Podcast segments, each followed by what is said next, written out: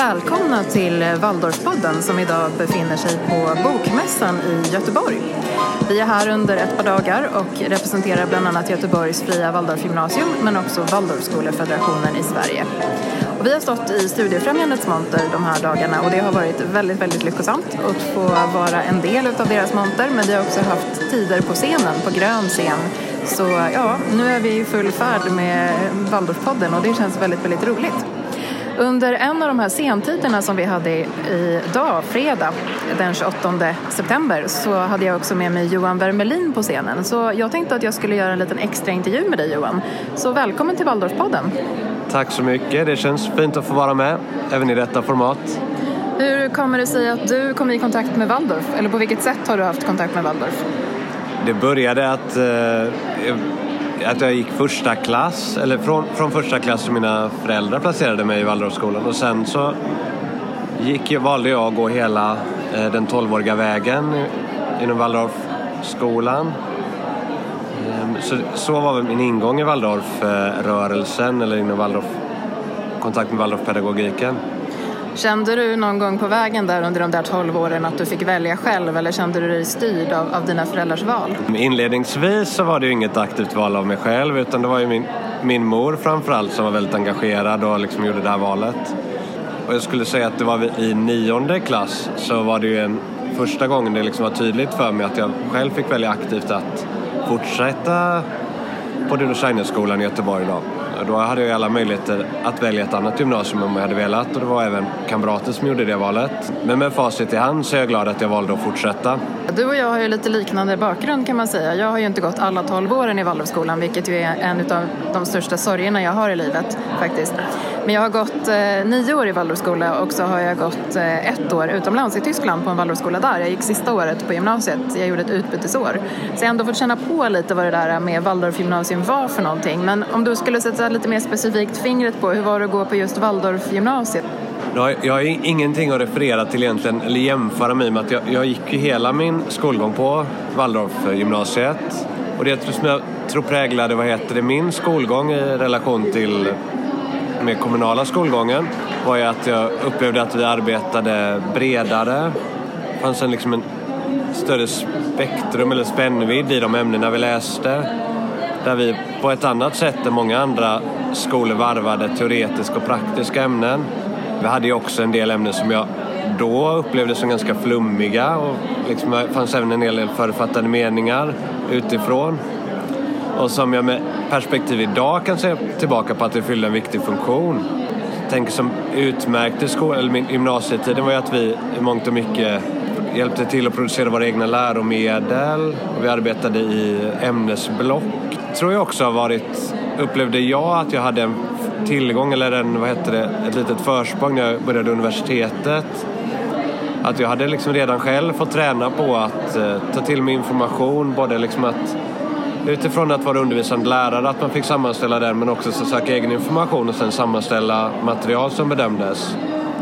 Och på mångt och mycket sätt så är det så man arbetar på många, många universitetsutbildningar. Eh, så det, där tyckte jag att jag var, var bättre förberedd jämfört med många andra som blev liksom stressade över hur de skulle tackla den här studierna på högskolan. Då.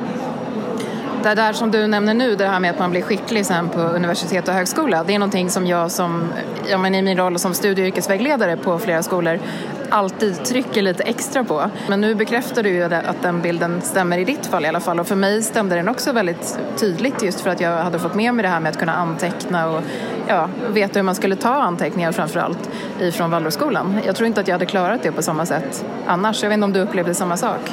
Jag, upplever också att man hade ett, ett försprång eh, gentemot det, att man hade en vana i att samla på sig information och sammanställa och att skapa sitt eget material eh, utifrån, det, utifrån det, de, vad heter det, både utifrån eh, liksom, e-, böcker men också utifrån det som läraren berättade.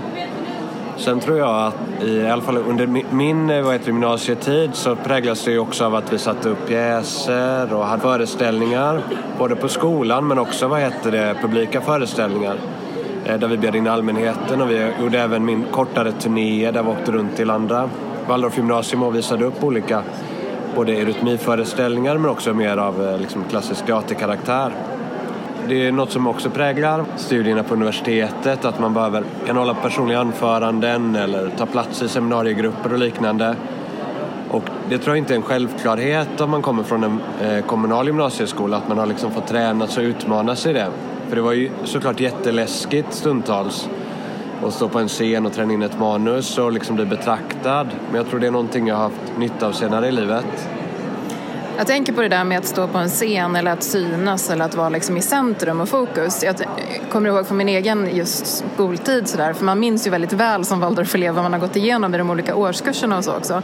Det jag kommer ihåg är att vi också väldigt, väldigt tidigt fick ju så kallade årsverser som vi skulle öva in.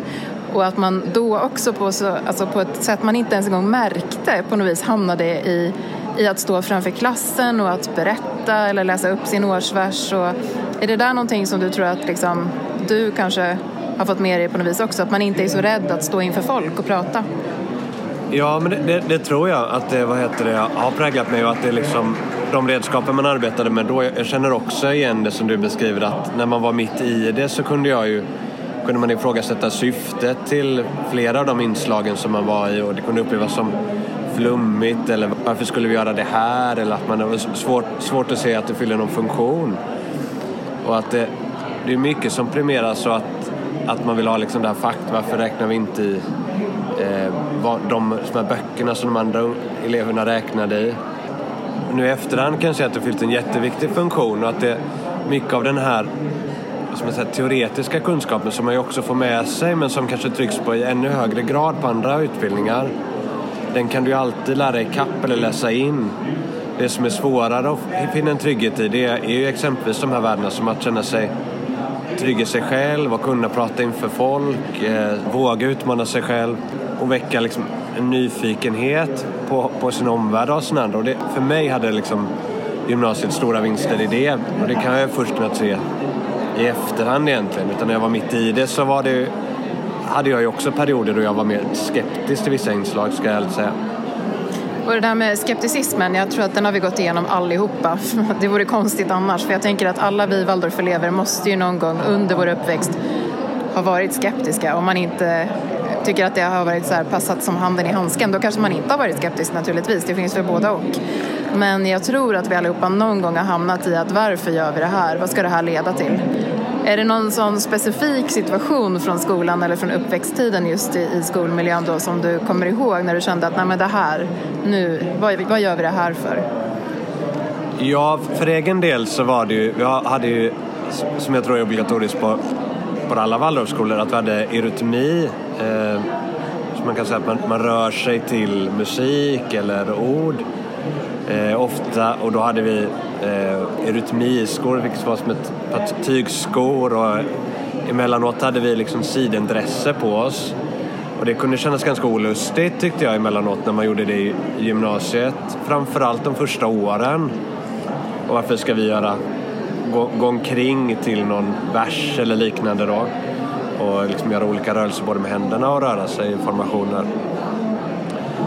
Och det var ju också någonting som när man berättade för sina vänner som inte gick en Waldorfskola som liksom framstod som väldigt lustigt.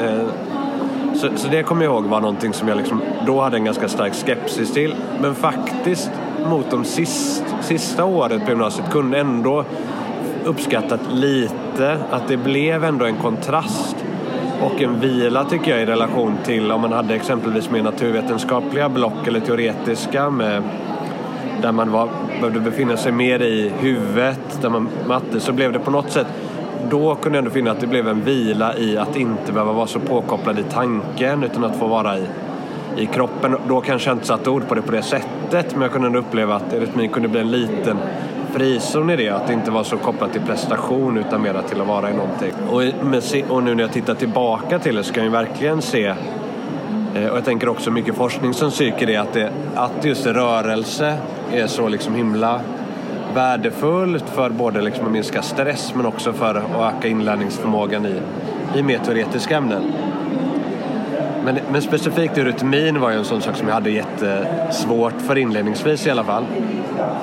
Där var jag nog lite annorlunda. Jag älskade eurytmi. Jag tyckte det var det bästa som fanns för jag hade jättesvårt med de teoretiska ämnena. Så för mig var det liksom en fristad att få ha eurytmi. Så det är ju fantastiskt att vi kan ha olika saker som man bär med sig. Sådär. Men jag vet att det är många som just kände sådär kring eurytmin då men som sen i efterhand verkligen har förstått vad det hela gick ut på. På ett helt annat sätt än vad man kanske gjorde just som tonåring eller ja, men även på gymnasiet. Så. Idag då, när du tänker på hur du har det idag. Du, du har ju utbildat dig vidare såklart sen efter du har gått på Waldorfgymnasiet och så och har blivit socionom om jag har förstått det hela rätt. Vad arbetar du med för någonting nu? Det som är bra, jag, eh, just nu så arbetar jag på ett behandlingshem med ungdomar. Eh, jag har tidigare jobbat inom vad heter, socialtjänsten och också som skolkurator.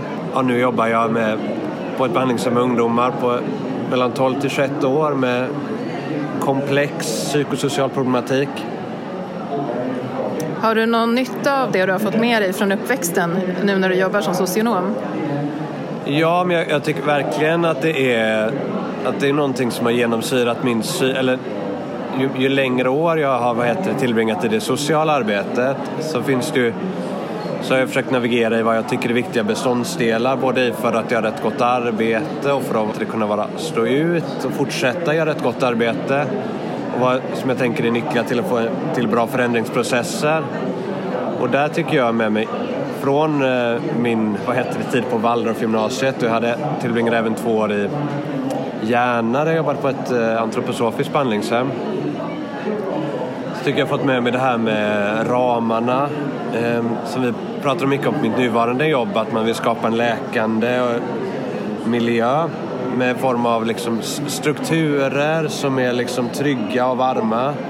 Och det tycker jag verkligen präglar, vad heter det, Waldorfgymnasiet eh, eller, eller generellt sett eh, Waldorfpedagogiken. Och jag tänker att bibehålla en nyfikenhet både på sig själv och sin omvärld tänker jag är jätteviktiga redskap. Att både liksom få kunna förmedla att ha nyfikenhet mot de ungdomar man träffar som befinner sig i jättesvåra livssituationer och också hjälpa dem att hitta en nyfikenhet eh, gentemot sig själva på deras egna reaktioner, tankar och mönster och också att förhoppningsvis kunna slå frö till nyfikenhet till eh, att de blivit nyfikna på världen utanför.